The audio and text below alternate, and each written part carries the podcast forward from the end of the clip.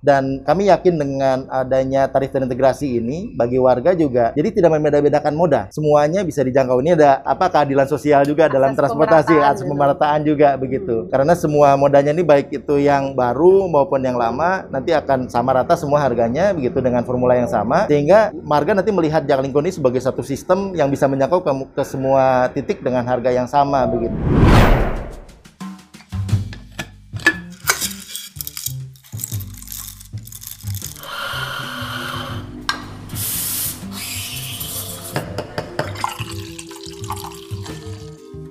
Coffee time with my Coffee time with my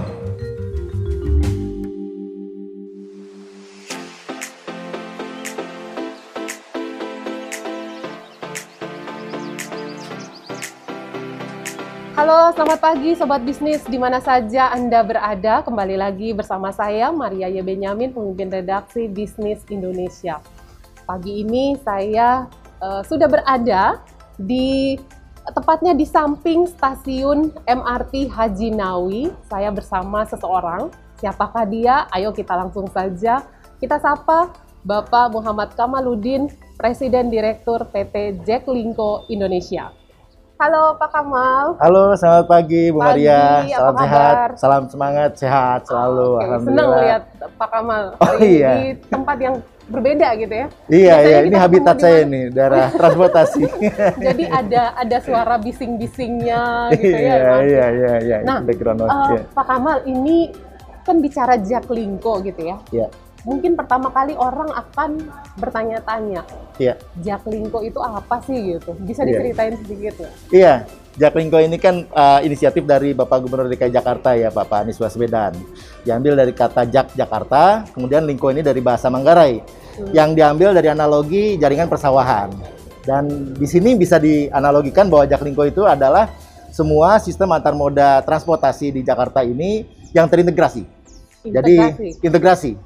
Jadi baik kereta, bis, terus kemudian juga apa moda-moda lainnya gitu yang terintegrasi dalam satu sistem. Mhm. Dan uh, Jaklingko Indonesia ini yang saya pimpin itu adalah perusahaan yang fokus pada integrasi sistem pembayarannya dan tarif terintegrasinya. Oke, jadi Jaklingko Indonesia fokus ke sistem pembayaran. Iya, Sementara kalau bicara Jaklingko secara keseluruhan berarti integrasinya menyangkut apa saja nih Pak? iya kalau keseluruhan itu menyangkut MRT Jakarta, kemudian Transjakarta, LRT Jakarta, bahkan dikembangkan sampai ke kereta komuter Indonesia KRL, sampai ke railing dan sebagainya. Jadi semuanya itu terintegrasi menjadi satu sistem yang besar yang sangat bisa menghubungkan ke mana saja. Begitu. Nah mungkin menarik kalau kita lihat lebih dalam lagi soal sistem pembayaran gitu ya. Iya.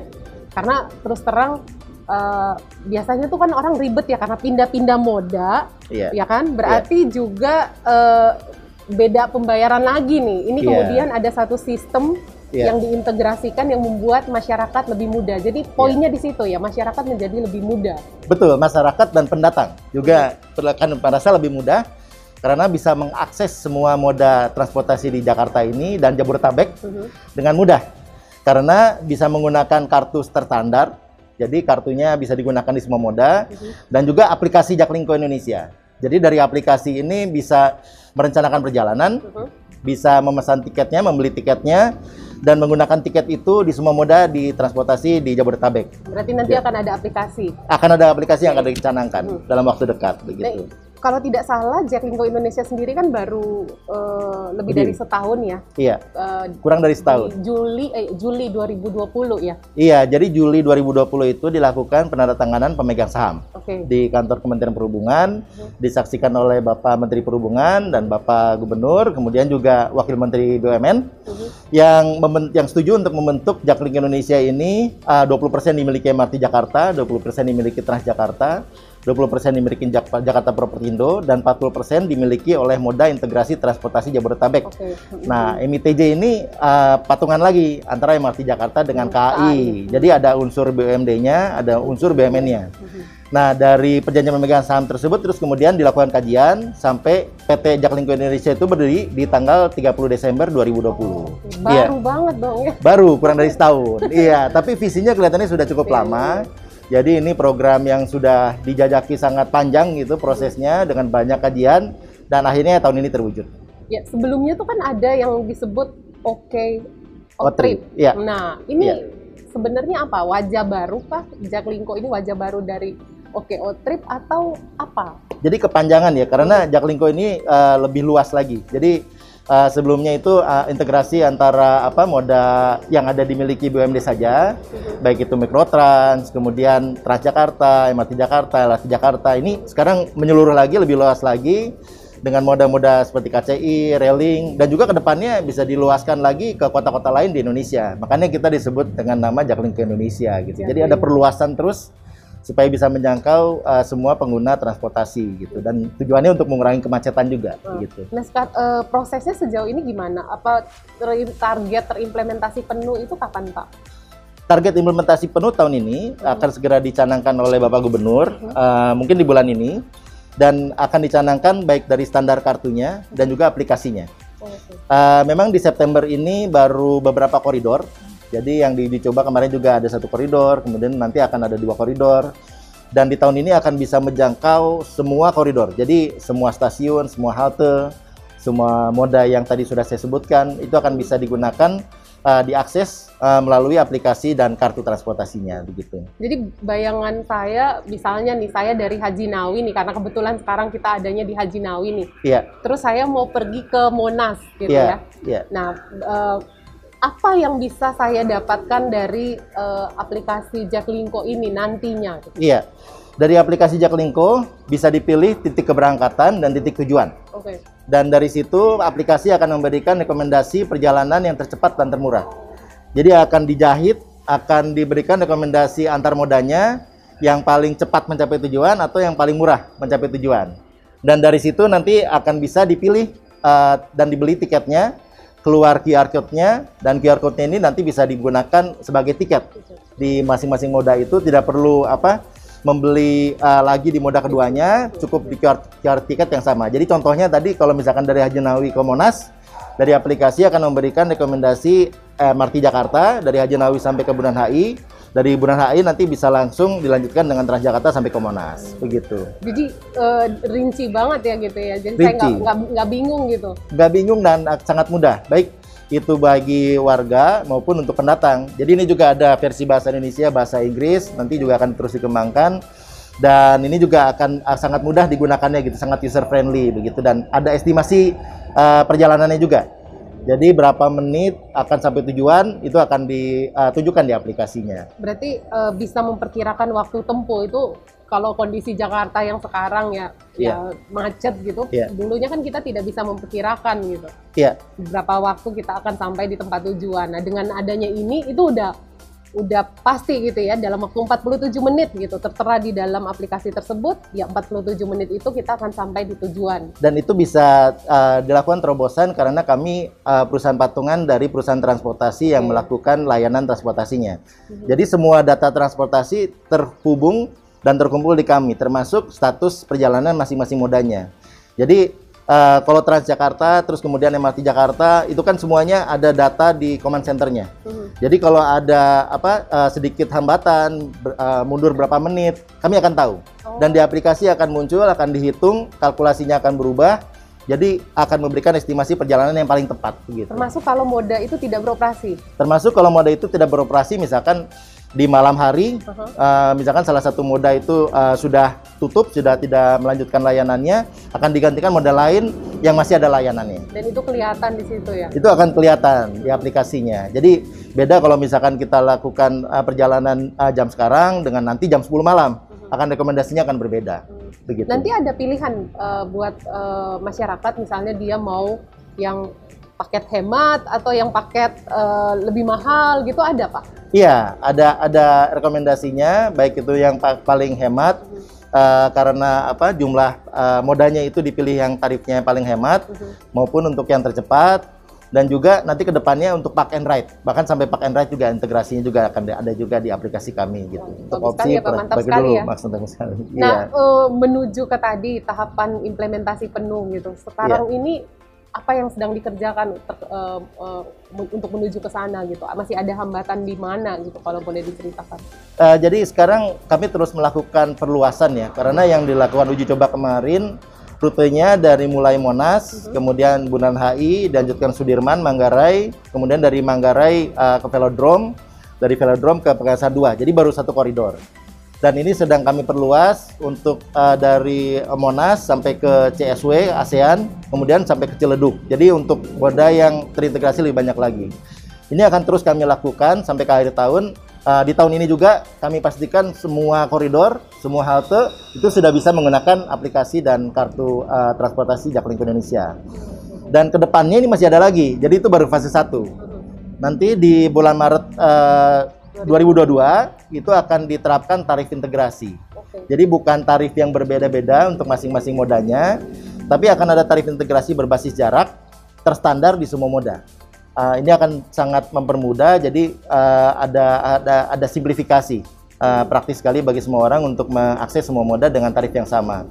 Dan di Agustus tahun depan kami juga mentargetkan untuk implementasi uh, phone-based di mana akan ada integrasi antara kartu uh, Jaklingko dan uh, juga aplikasi Jaklingko. Nanti saldonya akan saling terhubung uh, menggunakan identifikasi pengguna dan juga ada tarif khusus untuk uh, profil-profil tertentu. Misalkan untuk manula, untuk disabilitas, untuk pelajar, nanti akan ada tarifnya. Artinya begitu. nanti eh, tidak semua bergantung kepada ini ya. Tidak. Jadi Handphone akan gitu. karena sudah dihab- sudah dihubungkan, Mhm, karena bagaimanapun kartu itu adalah moda pembayaran yang paling cepat. Betul. Kalau mau menggunakan aplikasi memang lebih mudah dalam hal merencanakan perjalanan, tapi ketika di scan, eh, ketika di stasiunnya bagaimanapun paling cepat menggunakan kartu. Iya. Tapi kartu kan eh, saldonya bisa kurang, kemudian nanti eh, kartunya juga bisa hilang gitu ya. Ini kita hubungkan. Jadi kalau kartunya hilang, tetap saldonya tidak hilang. Kemudian juga eh, untuk top up-nya tidak perlu pusing-pusing lagi karena top up-nya sudah bisa langsung dari aplikasinya gitu. Tadi menarik soal harga nih Pak Kamal. Iya. Em, nantinya akan ada satu harga lah ya, harga Iya. yang, eh, harga yang berlaku umum Iya, ya untuk umum. semua gitu. Iya. Nah saya pernah dengar kalau Jaklingko itu ada eh, harga yang 3 jam 5.000 itu Itu yang itu? eh, tarif yang existing sekarang eh, baru dua moda. oke. Jadi kalau 3 jam 5.000 itu antara Mikrotrans dengan Transjakarta. Jadi yang berbasis jalan. Oh, Belum oke, mencakup oke. yang berbasis rel. Nah, ini dikembangkan lagi. Kami sudah melakukan kajian dibantu dengan konsultan internasional, dilihat eh, ability to pay dan willingness to pay-nya kemampuan warga membayar dan juga sudah dilakukan FGD dengan Dewan Transportasi Kota Jakarta didapatkan formula baru berbasis jarak Mhm. yaitu 500 per kilometer dan uh, juga ada maksimumnya untuk 3 jam itu 10.000 tapi bisa semua moda Semua. jadi bukan yang berbasis jalan saja Tapi uh. Mikrotrans, Transjakarta nanti bisa dengan MRT, LRT, KCI nah kalau dengan KCI karena dia melintas ke luar Jakarta maksimumnya kita naikkan lagi bukan 10.000 menjadi 15.000 jadi ada peace of mind di situ dan uh, memang ini nanti ada beberapa aturan misalkan berganti modanya harus dalam waktu 45 menit. Nah, itu ada beberapa aturan yang nanti akan disosialisasikan dan ini menunggu peraturan gubernurnya. Ya. oke. Eh, Pak Kamal kembali soal harga lagi nih. Iya. Eh, jadi nanti berbasis jarak. Iya, itu berbasis jarak. survei sudah dilakukan dan dengan melihat tentu saja eh, apa ya affordability dari ini ya dari, Dari warga. masyarakat ya. Dan memang untuk satu moda misalkan khusus untuk uh, Mikrotrans ya. Karena Mikrotrans tadi kan tarif integrasinya juga 5.000 per 3 jam digabungkan dengan Transjakarta. Ini juga rekomendasinya untuk Mikrotrans. Untuk uh, satu moda saja akan 2.500 dan nanti uh, apabila disambungkan dengan moda lainnya dia akan jadi gratis. Jadi 2.500-nya dikembalikan. Oh, Jadi oke. misalkan 2.500 eh, apa digunakan untuk menjangkau eh, MRT misalkan atau Transjakarta, ketika sudah naik Transjakarta 2.500 dikembalikan. Eh, jadi gratis gitu untuk apa pengguna eh, Transjakartanya atau pengguna apa mikrotransnya. Iya. Nah, Iya.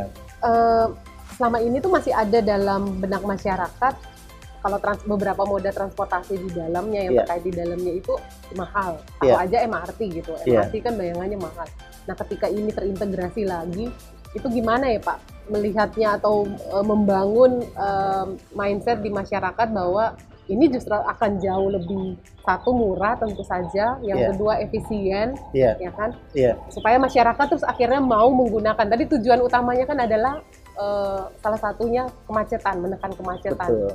Di Iya. mana membuat orang beralih, tetapi eh, dengan melihat tadi, oh Iya. harganya ternyata lebih lebih ini kok lebih murah, Iya. lebih efektif. Itu apa Iya. yang akan dilakukan Pak? Iya, jadi sebetulnya dengan adanya tarif maksimum tadi ya 10.000 untuk tiga jam untuk di dalam kota Jakarta itu lebih murah.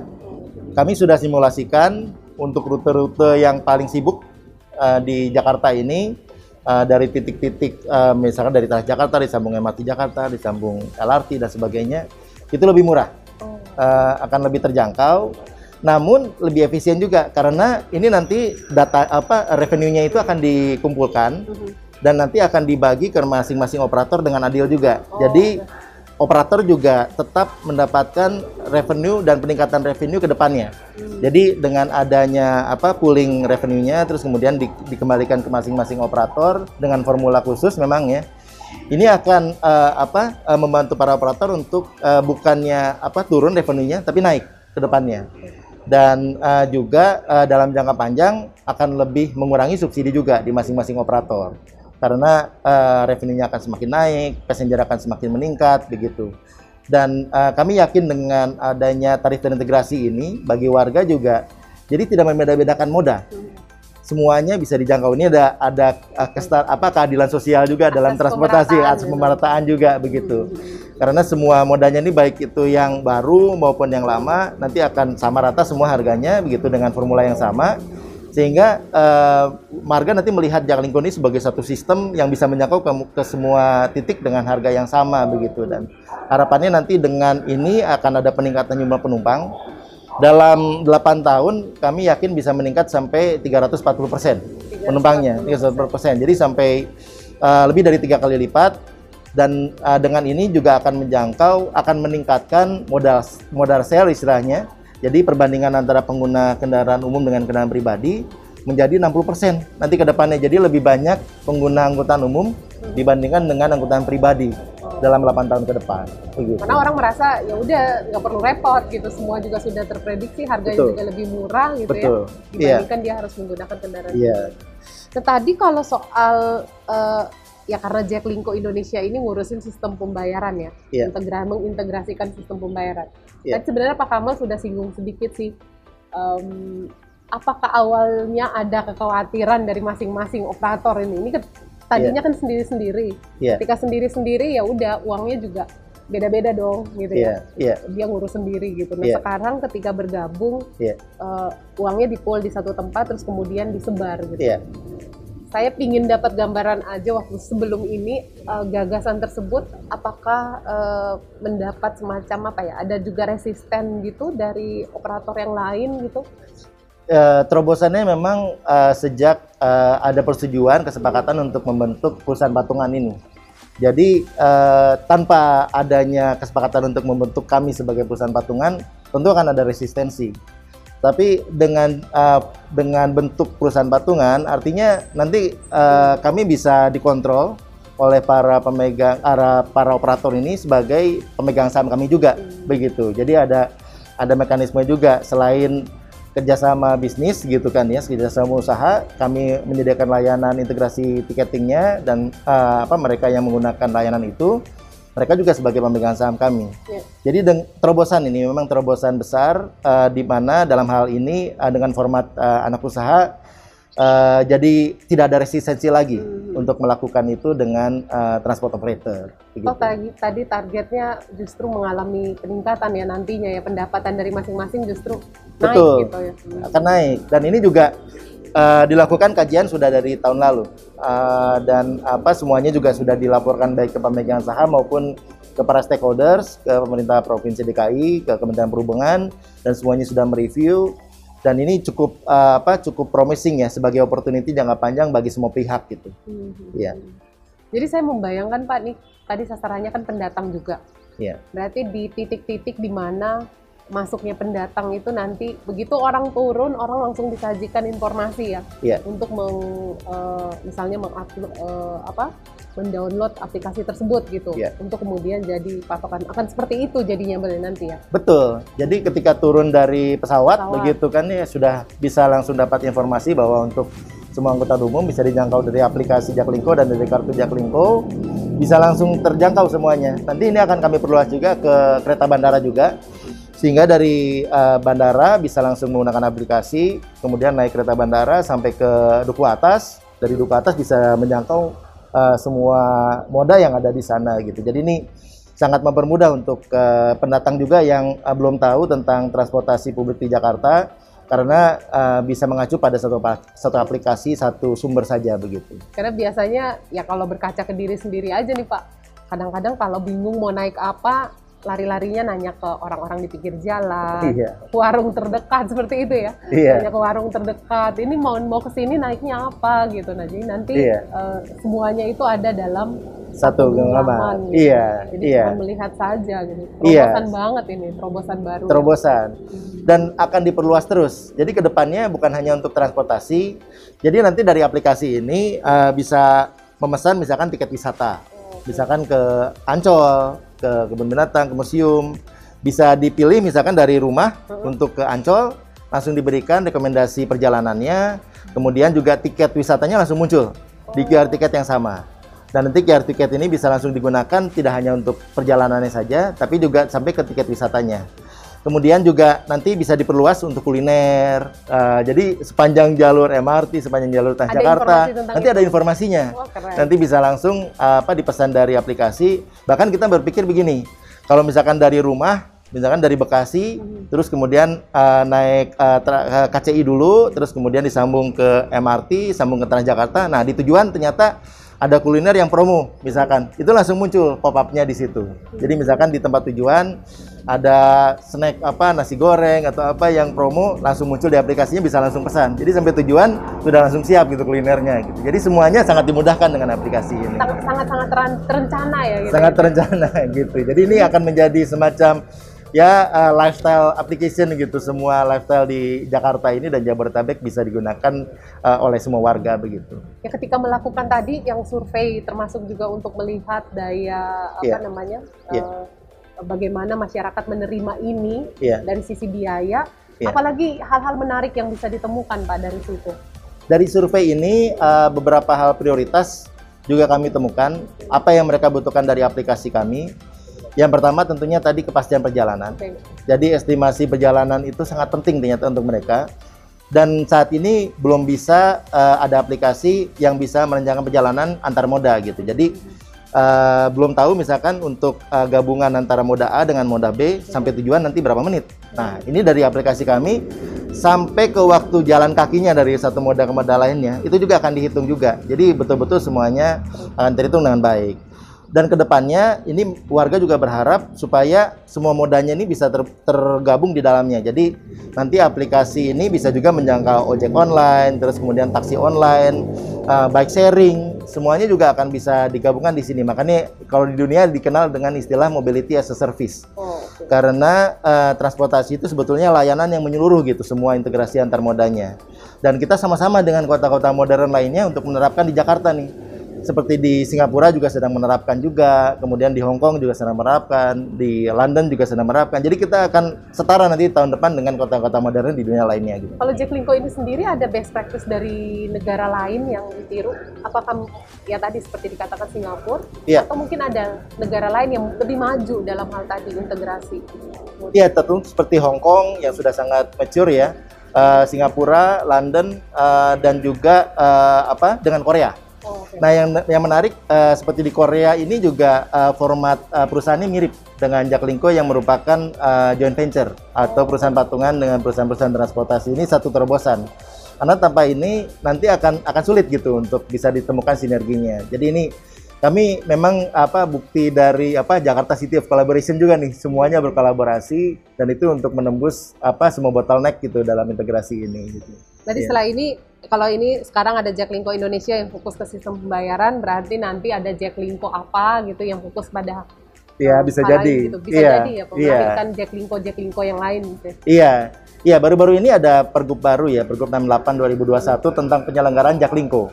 Jadi itu menyeluruh sekali, baik itu untuk kami, badan usaha yang untuk pembayaran, dan untuk layanan-layanan pendukung eh, dan juga prasarana pendukung untuk transportasi eh, di Jakarta ini.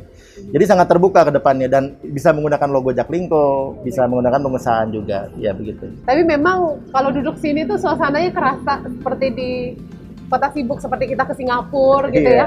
iya. Lagi ya kan lagi eh, di. MRT gitu. Iya. Rasa bener suasana eh, sibuknya lalu lintas gitu. Pak Kamal sendiri pengguna MRT dong. Iya. Tuh. Saya rumah di Ciputat ya. Di Ciputat itu uh, bisa diakses dengan Transjakarta, nyambung ke Lebak Bulus, dari Lebak Bulus ke kantor ke Bundaran HI di Wisma Nusantara pakai MRT. Jadi, Jadi- semuanya bisa dihubungkan. Tapi gitu sayang dengan itu, aplikasinya gitu. memang belum ya, jadi belum aplikasinya- patokan pada Iya, aplikasi ya. iya belum bisa patokan aplikasi. Eh, jadi Pak Kamal, kalau tadinya kan di MRT memang punya Iya. backgroundnya di MRT itu MRT terus sekarang di Jaklingko, jadi mudah lah ya untuk menyesuaikan. Iya, karena kan sudah ada pengalaman di transportasi ya. Iya, tuh. Dan di Jaklingko ini diperluas saja gitu ininya cakupannya. Karena sebelumnya hanya untuk MRT yang berbasis rel, kemudian di Jaklingko ini untuk integrasi tiketing dan tarif bukan cuma untuk yang berbasis rel seperti MRT, LRT dan KCI, tapi juga untuk yang berbasis jalan seperti Transjakarta, Mikrotrans. Bahkan nanti ke depannya juga untuk integrasi dengan ojek, dengan taksi. Semuanya kan tantangannya sendiri nih. Tantangannya berbeda, tapi kita harus bisa gabungkan, harus bisa kita selesaikan supaya bisa menjadi apa transportasi sistem terintegrasi yang utuh gitu, yang bisa membantu menjangkau semua orang gitu. Iya. Nah kalau ini Pak, eh, apa ya? Ini isinya orang-orang di Jaklingko ini banyak kan anak-anak muda. Banyak anak muda, jadi eh, semuanya malah bahkan milenial ya. Cuma cuma apa saya aja nih dengan direktur yang yang senior gitu, tapi semuanya milenial Huh? dan apa semuanya eh, berbasis baik transportasi dan teknologi. Oh, Jadi kita akan terus kembangkan apa inovasinya dari sana. Kalau udah masuk berarti nggak boleh ngomong ya? Ya, di dalam tidak boleh. Ya. Ya jadi eh, memang menarik sekali ya Pak. Jadi kita bisa melihat ya bagaimana nanti ke depannya ini terintegrasi gitu. Ya, sekali. Bayangkan ada ada yang kalau saya lihat ini eh, masyarakat akan dimudahkan sekali gitu pasti. dari genggaman dari Ya, dari ponsel saja gitu. ya. Ya. Ini memang menjadi target kami ya. Harus lebih nyaman, lebih cepat, lebih terjangkau, dan lebih efisien juga untuk para operator dan untuk pemerintahan itu. Ya, betul betul Iya. betul. Jadi sukses Pak, semoga rencana Ya, eh, bulan ini ya atau iya bulan, bulan ini. bulan ini oke. Iya, Rencana bulan ini bahwa Jaklingko akan beroperasi penuh, Ya. terwujud. Ya, Kita doakan semoga semua persiapan aman Ya. dan pastinya masyarakat akan sangat menunggu Terima karena ini akan mengubah eh, cara baru masyarakat dalam bertransportasi juga gitu ya. Iya. Semuanya dimudahkan Ya. dengan harga yang terjangkau. Amin. Ya. Terima kasih banyak Pak Kamal atas waktunya. Senang sekali udah menemani saya. Tadi Ya. tadi kita sempat eh, naik MRT. Ya. Kita mencoba nanti membayangkan bagaimana terintegrasi Ya. sistem transportasi ini ke depannya. Saya Ya. senang sekali sudah ditemani sama Pak Kamal, udah banyak cerita. Sukses, selamat melanjutkan pekerjaan ya Pak ya. Terima kasih Bu Maria, terima kasih Bisnis Indonesia. Terima kasih. Saya pamit di sini untuk ke kantor. Oh, Oke, Terima siap, kasih. siap. Mari. Terima kasih.